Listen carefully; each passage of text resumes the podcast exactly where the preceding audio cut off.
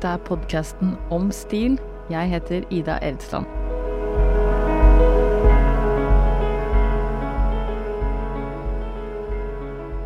I dagens episode har vi besøk av kostymedesigner Ellen Ystehede. Denne podkasten er en del av Tidens ånd. Gå inn for å tegne abonnement og høre flere episoder som denne. I dag skal det handle om kostymedesign. Og kostymedesign er et felt eh, i vekst. Det er eh, mer populært enn noen gang. Eh, folk har bokstavelig talt fått øynene opp for hvordan karakterer i film, TV og teater formes kanskje enda mer enn oss vanlige mennesker av klærne de går i. Folk elsker å analysere antrekkene i eksempel Succession, som var tilbake på norske TV-skjermer. Kostymedesigneren der, Michelle Matland, holdt jo foredrag ved seriedagene i Oslo i fjor. Eh, vi har White Lotus med kostymør Alex Bouvard, som visstnok drukner i forespørsler om hvor antrekkene til Lucia Harper, Ethan og Portia kommer fra. Vi hadde jo Patricia Fields, som gjorde kostymer og mote til det som blir kalt den femte karakteren i eh, Sex and the City, og eh, som nå gjør omdiskuterte Emily in Paris, der kostymene vel er en eh, vel så stor del av handlingen som, eh, som alt det andre som skjer der. Så kostymedesign på film og teater får også stadig mer oppmerksomhet her hjemme, eh, med nye utøvere og prosjekter der feltet skinner på en annen måte enn før. Um, og det er en som har fått kle Norges største kulturelle eksportartikkel de siste årene. Uh, det er kvinnen bak klærne i Joachim Triers 'Verdens verste menneske', kostymedesigner Ellen Ystehede. Velkommen, Ellen. Takk, takk. For de av oss som uh, ikke er så kjent med, med, med kostymedesign som, som, uttrykk, da. Hva er det du gjør? en kostymedesigner finner klærne som skuespillerne skal ha på seg.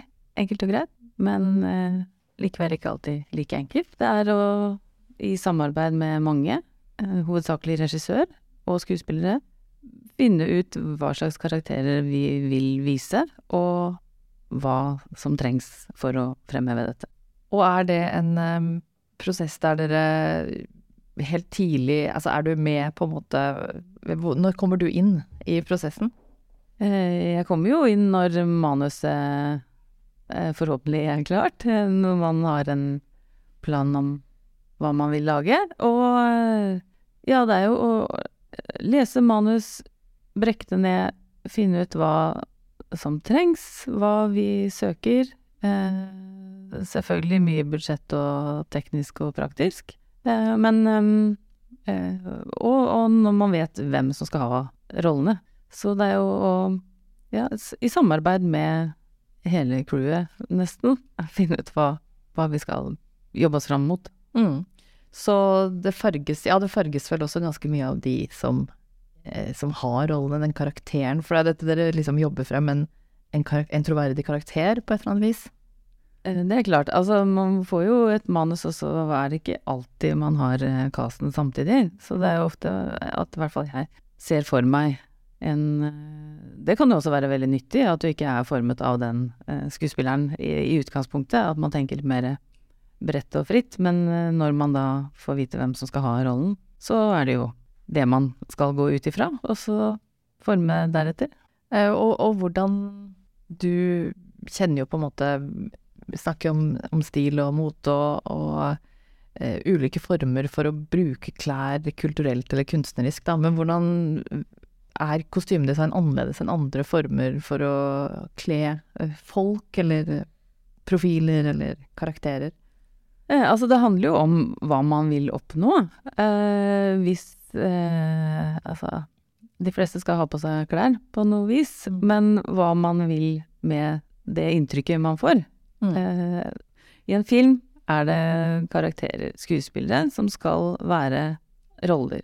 Og da må man jo finne ut hva som kan fremheve denne rollen. Og det er ikke nødvendigvis at jeg trenger å være moteriktig eller Altså, det, det, kan jo være i hvilken som helst tid og sted og rom, så man må jo se hva, hva, man, hva man vil eh, oppnå. Eh, mm.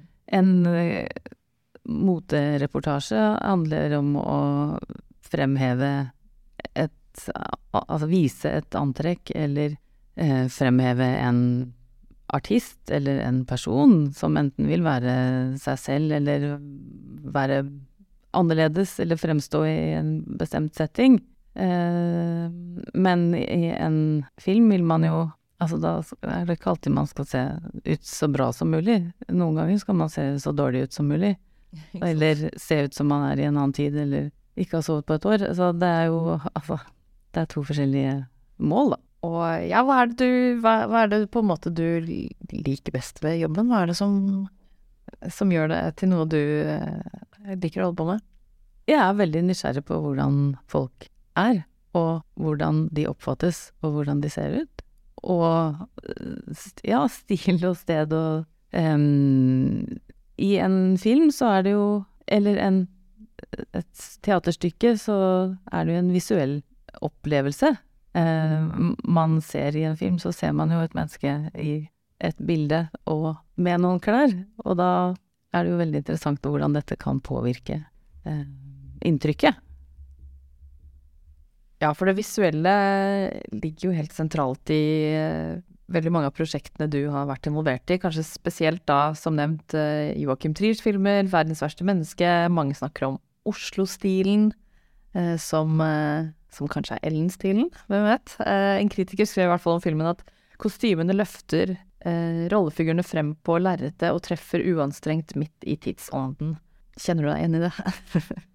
Jeg vil i hvert fall si det er et kompliment, og noen har sagt at eh, det er bra jobb jeg gjør fordi de ikke syns at jeg har gjort noe, og det er jo eh, faktisk Da har man jo eh, gjort noe som da forhåpentlig er troverdig, som jo er et mål. Mm. Eh, og at de kanskje ikke Kostymene i seg selv ikke tar så mye plass, kan jo passe til en viss type filmer. Jo, det er et kompliment at jeg får høre at de ikke synes at jeg har gjort noe. At da ser troverdig ut. Eh, I kanskje spesielt de filmene så er det fint at det er litt nedpå. Eh, men alt til sin tid og sin film. Ja, ikke sant. Nei, for å snakke litt mer om akkurat den filmen. Jeg, jeg så den på nytt her om dagen. Men eh, jeg tenker på den Oslo-stilen, da, som, eh, som, det har blitt litt snakk om, eller hvordan Renate Reinsve på en eller annen måte er så veldig sånn seg selv i de tingene du har valgt. Jeg er helt enig med det sitatet fra, fra kritikeren her, at du løfter virkelig frem karakterene uten å overdøve dem på noe som helst måte. Da. Det er kanskje noe av det han mener som, eh, som jeg tenker er spennende med det du gjør. Altså, det er jo noen veldig spennende skuespillere her, så det Ja. Eh, men eh, Nei, det er vel å Jeg har bokstavelig talt fargelegge de. Mm. Gi de en ramme. Men eh, Oslo-stil Jeg vet ikke Altså, her var det jo I disse filmene, Joakim Triers film som jeg har jobbet på, er det jo et mål å vise en best, ja, si tidsånd, da. En bestemt type mennesker i en bestemt setting. Og det er da Oslo. Det er jo et bilde av der og da, selv om det selvfølgelig ikke er en dokumentar. Eh, så kommer jo filmen ut et år eller to etter at den er blitt filmet, så det blir jo ikke en direkte parallell sånn sett, men det er jo et, ja, en, en bilde av folk i Oslo. Så da blir vel det nødvendigvis en Oslo-stil. Mm. Hadde du et uh, hva kaller man det, moodboard? Altså hva er Oslo? Absolutt, absolutt moodboard. Man jobber jo konstant med å se og finne og lete og Men jeg tenker, hva var det på, på Hva var på en måte på eh, Det er litt sånn klassisk, det er ganske dempa, rolige farger, ganske rene silhuetter, eller er det Altså, det er jo typer. Mm. Eh, tenker jo like mye på hvor klærne altså For denne rollen, hvor kom de fra, hvem, hvem er sånn og hvem er sånn? Mm. Enkelt og greit. Og så skal det jo passe til et bilde. Det er jo en produksjonsdesigner og en scenograf og en sminkør og en fotograf, ikke minst. Eh, I tillegg til regissøren og i det hele tatt. Det er jo veldig mange som er med på å komponere disse bildene. Og da er det jo veldig fint om eh, det passer inn. Altså, det kan jo være så banalt som at du helst ikke har en hvit genser foran en hvit vegg. Eh, og at man må jo tenke hele strekket, det er jo det også som er det. Det er jo veldig mye teknisk og praktisk i kostymedesign. Mm. Nesten mer enn design. Altså fordi man må tenke hele strekket hvis du går en hvit genser ut den døra, og så skal du gå forbi den veggen, og så skal du inn der. Og så du må tenke hele storyboardet. Mm. Og hvem skal du stå ved siden av, og det er masse sånn teknisk. Og opptaksdagene er kanskje spredd over Ja, det kan du jo ha helt uh, hultribulter. mm. Uh, og kaldt og varmt og alt, så alle disse tingene. Men man må jo bare holde tunga rett i munnen og prøve å tenke hva man vil vise, og hva som kommer fram. Det er ikke alltid Altså, noen ganger er det veldig sånn morsomme analyser man kan lese som man eh, kan tenke Oi, det var ingen som tenkte tenkt på det. Men eh, ja, igjen, det er jo det. At man ser og vurderer og analyserer og får noen ideer av det man ser. Ja, og sånn sett tenker jeg det at folk har begynt å følge med, da, rett og slett, på en annen måte kanskje på kostymedesign. At det diskuteres, at det skrives recaps, at det er eh, diskusjoner om antrekk og hvor de kommer fra osv. Er, det- er det noe som eh, fyller deg med hva skal jeg si, glede at du blir eh, motivert for å gå på jobb, eller blir man liksom stressa? Det var for mye rare mail og spørsmål. som er jo artig. Men, nei, men det er vel ikke nødvendigvis at man tenker mer og vurderer mer. Det er vel det at man Det er lettere i mediet å, å, å si det høyt. Mm. Det er vel mer det som er saken. At det er lettere å diskutere. Lettere å si høyt hva man tenker. Og selvfølgelig fordi at alt gjerne kvernes gjennom samme Instagram eller whatnot, så blir et moteblad og en film og en TV-serie eh, litt mer det, det samme, da. Altså det oppfattes i samme jafs. Ja, nemlig. Mm. At det er i samme Ja, det er i samme feed, det er i samme nyhetsbilde, det er i samme Ja, at det derfor blir kanskje At det er det som gjør at det er mer i fokus, hvis det er det. Ja, Ellen, for du har jobbet med kostyme på en haug av produksjoner, egentlig. Eh, som nevnte trierproduksjoner Trier-produksjoner av 'Verdens verste menneske', men også Oslo 31. august. Men også storfilmer som 'Håp', eh, 'Full dekning', 'Thelma', 'Blind' og 'Babycall'. Eh, eller TV-serier som 'Besatt Valkyrien' og 'Lillyhammer'. Men eh, det er vel egentlig Du begynte et annet sted, gjorde du ikke det? Nei, altså jeg eh, begynte etter videregående på søm- og tekstilformidling, som var veldig gøy å lære eh, håndverket bedre, og alltid vært interessert i tekstil og klær og form og farge. Så var jeg vel etter det, eh, faktisk, så gikk jeg jo ikke ferdig siste året fordi jeg var så veldig gira på å prøve en eh, kunstskole. Kom inn på St. Martins i London, Mm. og da begynte jeg på den. Gikk der i fire år. Når var det her? Det er så lenge siden Altså. London in the 90s, så da kan det jo regnes Altså, Ja. det, det, det, det må jo ha vært uh, gøy. Det var veldig gøy. Det var veldig gøy. Det er lenge siden, men veldig gøy, og veldig lærerikt.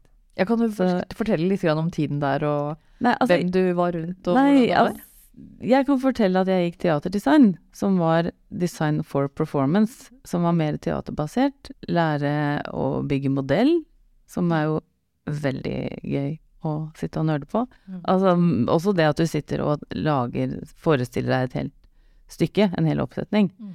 og tegner mye sånn praktisk, eh, lage eh, forestillinger, eh, mye sånn analyse og mye lesestykker.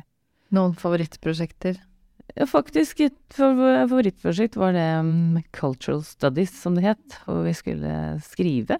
Eh, og da var det mer om sånn eh, teater kontra virkelighet kontra Eller jeg skrev om For det var så mye som skjedde på sånn restaurantinteriør, hvordan de ble mer som en scene, Ja. og mer en forestilling og mer forskjellige temaer. Det var i hvert fall Virkelighetens teater. ikke sånn. Nei, men litt sånn Ja. Det var ganske bredt, da. Så det er litt der du har vært hele veien, at du har liksom dette, denne klassiske eh, skolerte teaterbakgrunnen, men som hele veien eh, hva skal jeg si, butter litt, eller vil inn i virkeligheten, og så film var liksom perfekt match, kanskje? Ja, Jeg har jo funnet ut av det nå, eh, at det er det som da kanskje er det riktige. Jeg har jo faktisk starta på eh, Tenkt at jeg skulle starte både sosiologi og sosialantropologi, fordi jeg syns det også er very exciting. Men Jeg har jo da endt opp med å forsvinne ut i en fristende praktisk jobb, så jeg vet ikke om det er sosialantropologi, sosiologi i praksis jeg driver med. Det er i hvert fall cultural studies på høyt nivå. Ja, eller med mye, mye bæring og praktisk jobbing. Sånn som en drømmejobb. Høres ut som en drømmejobb, for meg. Eh, men, eh, men ok, litt tilbake til teaterbakgrunnen. Du, du, du valgte Eller du jobbet også med teater når du etter hvert dro tilbake til Norge? Nei, altså jeg har jo, skal ikke skryte på meg at jeg er en veldig teaterlærd, men jeg, jeg ble veldig fascinert av et stykke jeg så i Oslo, eh, av Ole Anders Sandberg, Maria Geber og Erlend Birkeland, som er en scenograf. Eh, de, de, jeg så fuglene på Norske Teater og ble litt eh, frelst. Eh, spurte etter hvert faktisk scenografen eh, om han trengte assistent, og det gjorde han og jeg fikk være assistent lenge, så jeg fikk se veldig mye av Altså, han gjør jo også litt kostyme. Maria Geber jobber mest i Sverige. Kan jeg bare spørre hva som, hva som fascinerte deg så veldig med akkurat det stykket? Ja, det er jo en visuell framstilling av en idé som var Ja, bare Hvordan så det ut? Ja, mange fluesopp. Nei. Nei, jeg syns jo de fortsatt De holder jo på fortsatt. Jeg gjorde det senest Eller jeg har sett Elektra på Operaen. Det er veldig ja, fascinerende visuelle uttrykk som er verdt å få med seg. Men så ble det likevel ble det likevel mer film for deg. Hva, hva var det første prosjektet du gjorde på det store lerretet? Første filmen jeg gjorde, var bare Bea. Sikkert litt tilfeldig at jeg fikk den jobben, men jeg merket jo da litt sent at jeg hadde kasta meg ut i eh, noe jeg ikke helt eh, hadde lært meg, fordi jeg hadde jo ikke lært alt det tekniske med film, så det ble jo en liten sjokkstart. eh, en ting er jo design og finne klær og tenke ut hvordan de skal se ut og finne, de, finne det, men det er jo altså så mye teknisk som man kan få midt i fleisen hvis man ikke er godt nok forberedt. De fleste begynner jo å assistere på film. Jeg hadde bare assistert på teater. Og noen reklamefilmer som jeg hadde gjort, det er jo noe helt annet. Så jeg vil jo råde folk til å kanskje assistere litt mer på en filminnspilling før de kaster seg ut i å være design, men med veldig god hjelp eh, fra erfarne designere så lærte jeg fort. Um, ja, for hva var bare BA igjen? Uh, kan du gi oss en kjapp uh... Det er jo en ungdomsfilm fra faen, Nå er det 2003, tror jeg. Mm. Eh, ja, ungdoms... Eller fire jenter, da. Mm. Som ja, sånn skole og oppvekst og kjærlighet og drama. Veldig søt film. Så da gikk Jeg bare tenker, der gikk det fra ganske sånn highbrow teater til ungdomsfilm, og, men det Nei, altså, jeg har jo um, vært interessert i å jobbe med film, men uh, Og det ble jo fint, men det kunne jo ha kanskje lært meg litt mer om det selve tekniske, praktiske, før jeg kasta meg ut i det. Men som sagt, etter det så har jeg jo uh, lært uh, og skjønt hvor mye annet enn bare design det dreier seg om. Altså hvor mye praktisk det er. Ja, for hva er egentlig forskjellen på å jobbe på et teater eller å jobbe med en film? Det er mange forskjeller. det er mer det praktiske. på en film er det ofte flere karakterer, flere forflytninger, flere steder, mer vær og vind og sånne ting som man må tenke på. et teater er oftere en Altså, en, en, et teaterstykke blir jo vist der og da kronologisk. en film spilles inn baklengs, gjerne. Altså her og der og eh, i, i, mye mer oppdelt eh, oppdelte sekvenser. Gjerne starte på slutten og slutte med begynnelsen. Eh, så mange sånne hensyn. Men ofte er det mer tid til å analysere tekst og gå inn i materie og stykke på et teater enn det du har tid til eh, som kostymedesigner på film. Fordi det er et, ofte ofte et uh, større tempo. Mm. Uh, og så er det jo litt rart hvordan man ofte har tid til å ta seg mer uh, Konsentrere seg mer om detaljer i teater enn det du har på film, selv om man på en scene kanskje ikke er zoomer like mye som man kan gjøre på, et, på en filminnspilling. Ja, ikke sant? Altså at, at man kan Man gjør ting litt fortere eh, på en filminnspilling, men plutselig risikerer man at det blir zoomet inn, som man ser Hver minste detalj. ja, for det, jeg, på en måte så tenker man jo Jeg tenker i hvert fall litt på kostymene på teater som noe litt mer eh, Hva skal jeg si direkte, eller det kan være litt større ofte, kanskje fordi det skal synes på scenen. Det er bare sånn overfladisk betraktning, mens på film så har man liksom dette Ja, det er de, de minste gester, og det kan være veldig mye som ligger i liksom et lite slag, eller en måte å kneppe noe på, eller altså tekstur, da. Det er jo et annet format. Mm. Eh, det er vel hovedsaken. Altså en scene er jo ofte mer stilisert, mer um, abstrakt. Mer Du sitter jo lenger unna, og da må man nødvendigvis male med bredere pensler og lage en ja, noe mer Kall det teatralsk, da. Noe som er større og mer abstrakt enn i en Altså, filmer prøver jo ofte å etterligne en virkelighet, eller lage en, en annen virkelighet som man skal tro på. Ja, og det er jo litt eh, Jeg tenkte vi skulle snakke litt om et prosjekt du, du nettopp har gjort. Det har jo vært eh, sånn sett en, en, annen type utfordring, selv om det er film, så Eller et serie, er det vel. Kan du fortelle litt om den?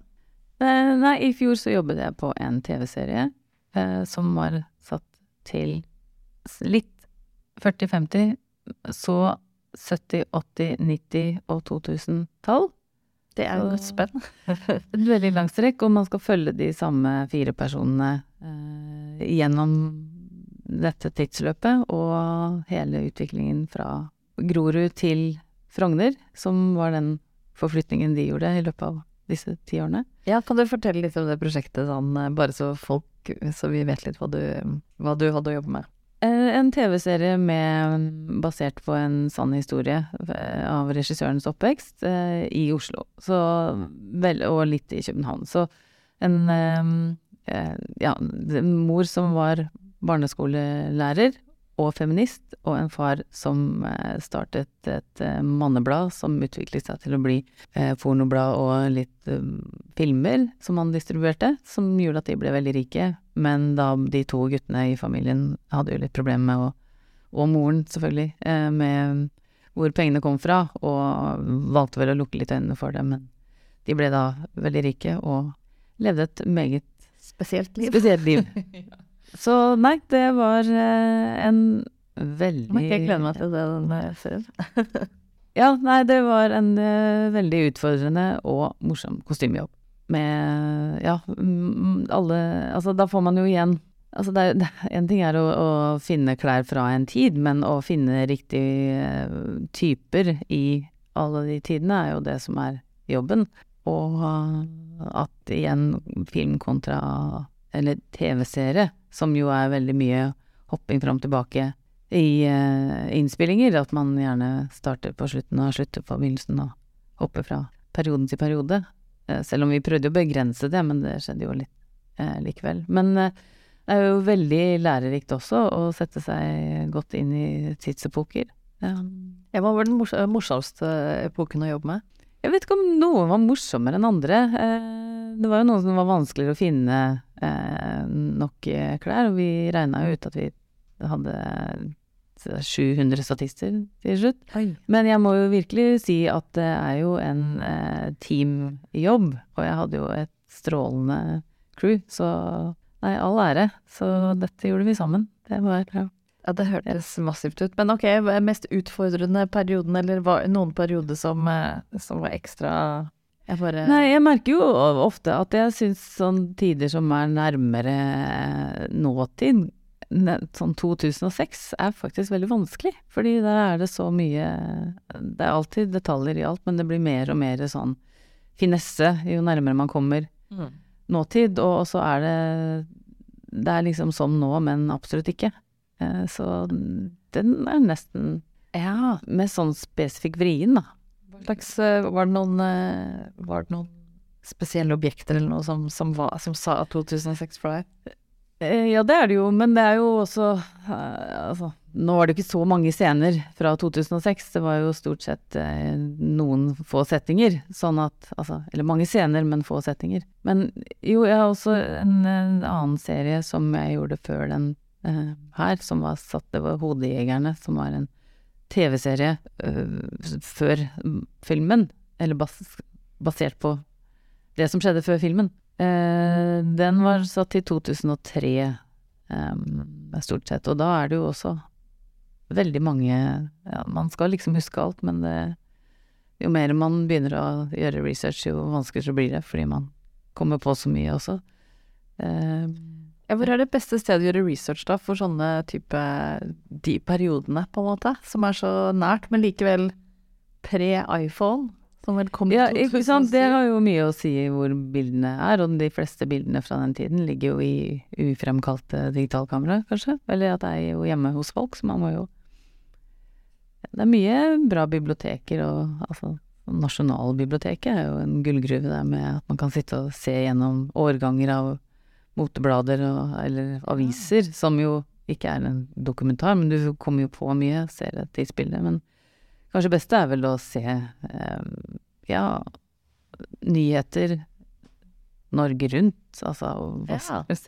bare Eller ja, NRK har jo veldig bra arkiv, som er dessverre veldig hard to get, men eh, mye sånn eh, dokumentarer der som er nyttig. Ja, for hva var det som eh, ja, La oss si 2006, da. Hva er det som eh, Hva er det som er liksom objekter som lyser 2006 istedenfor eh, 2023? Objekter, plagg Det er mer sånn stilen og eh, Når man ser tilbake, så er det jo litt sånn det, ja, det jeg syns er veldig spennende og fascinerende med mote og klær, er jo at det er et eller annet som var 2006, som nå er eh, mye av det er umoderne, men nå, nå, igjen er det jo nesten vanskelig å snakke om moderne og umoderne, for nå er det så mange parallelle stiler og retninger. Mm. Men ja, i og med at vi snakker om tidens ånd, eh, så det jeg er veldig nysgjerrig på, er hva en ja, si tidsånd er. Eh, om det eh, er Altså hvis man skal lage en Sette en film i en tid, så kan man jo velge å være så dokumentarisk man klarer, gjøre det sånn Altså hvis det er et poeng at man skal vise at det var da, eh, men andre ganger kan man jo lage sin helt egen tidsånd, da, hvis man skal kalle det. Lage en annen, en annen virkelighet, en annen stil og tid, som eh, igjen kan bli eh, en inspirasjon til ny mote, eller være noe særegent. Men eh, jeg syns jo hele evolusjonen i mote, hele, eller mote og stil, måten, estetikken, måten man Altså det visuelle rundt oss er, ja. Ja, hvordan, ja. Hvordan det manifesterer seg i ulike uttrykk og alt, egentlig. Ja, altså grunnene til at ting forandrer seg, og at en uh, silhuett og en uh, stil forandrer seg, er ja, igjen interessant. Og det burde også være litt sånn uh, ulikt fra person til person. Altså går du virkelig inn i karakterene nå? Hvordan ville denne personen angrepet, liksom, eller møtt denne tiden?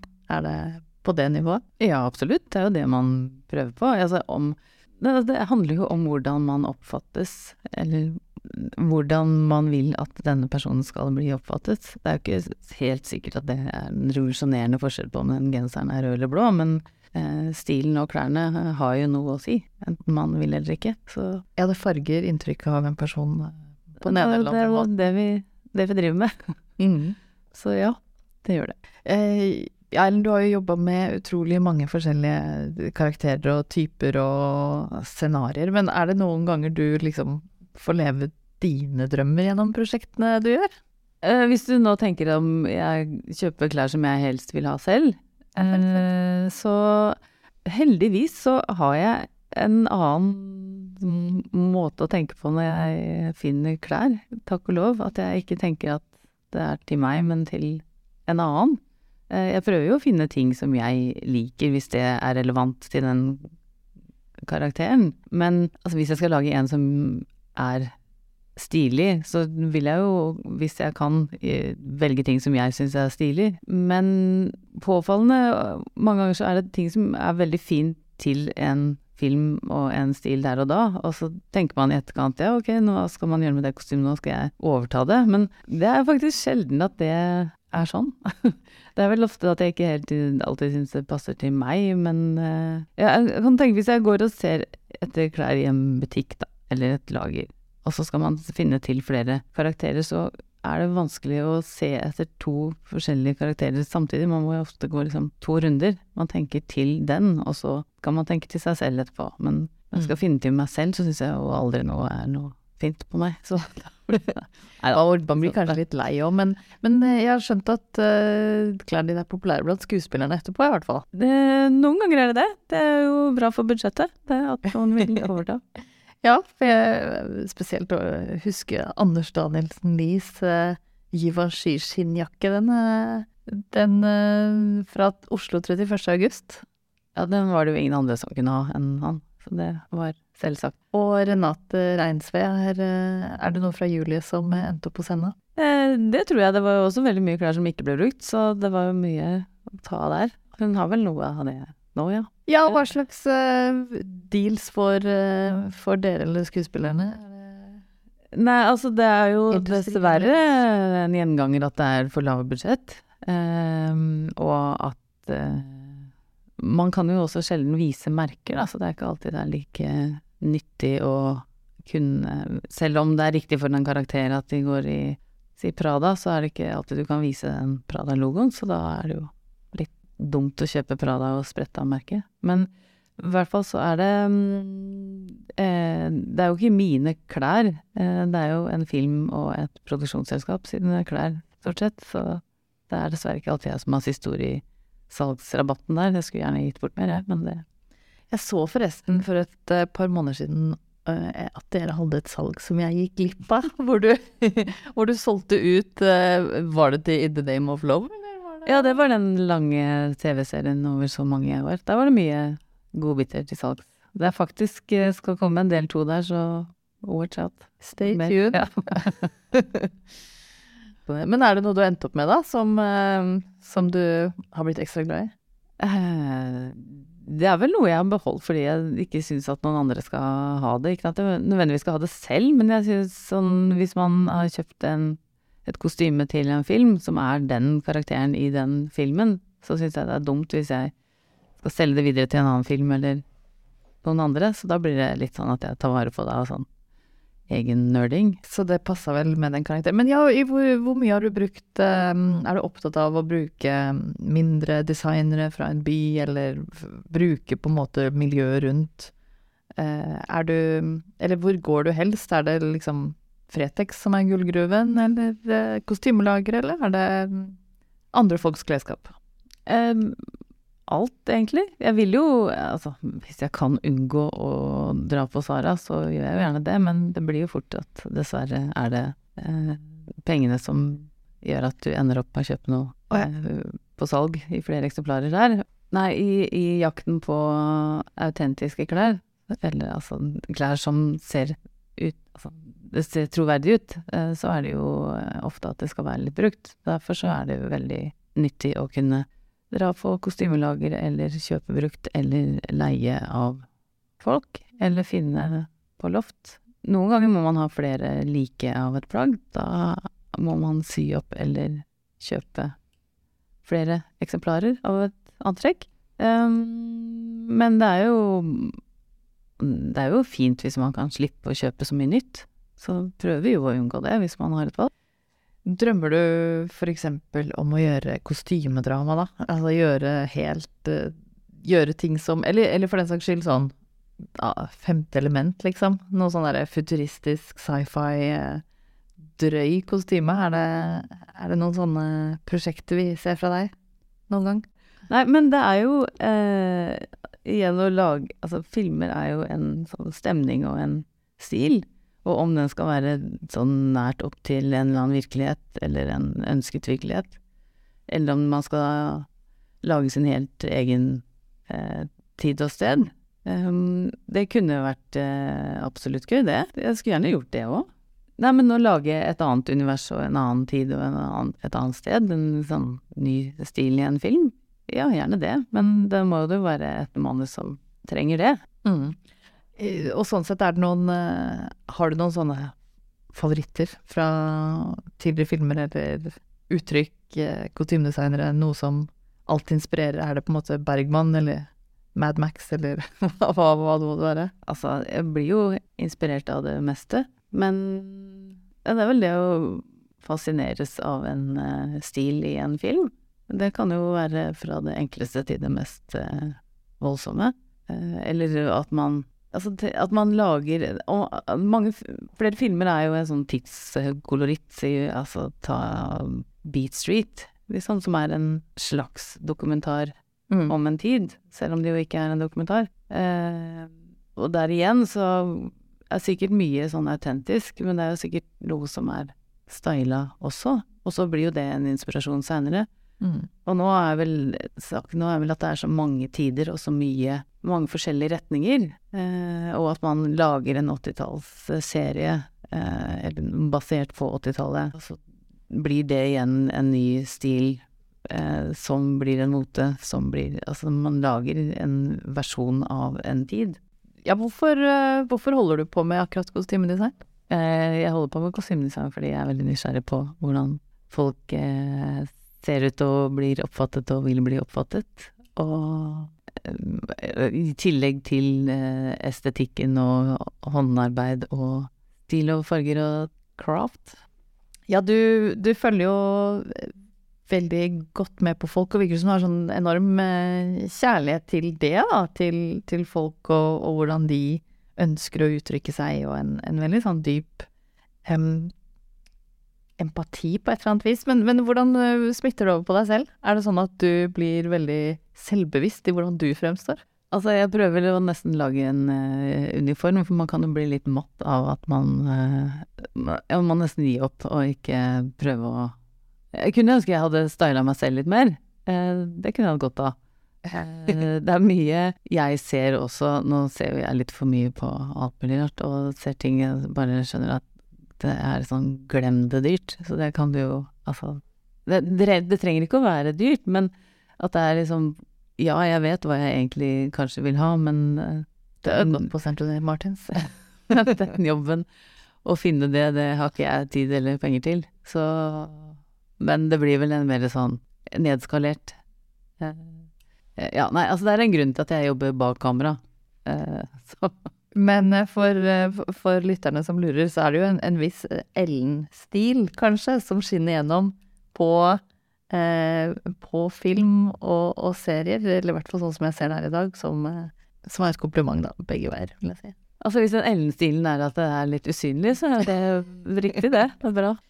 Ja, takk for nå. Det var Om stil med Ida Eresland, eh, denne gangen med Ellen Ystehede. Um, håper vi høres videre. Følg oss gjerne gjennom å abonnere på Tidens Ånd.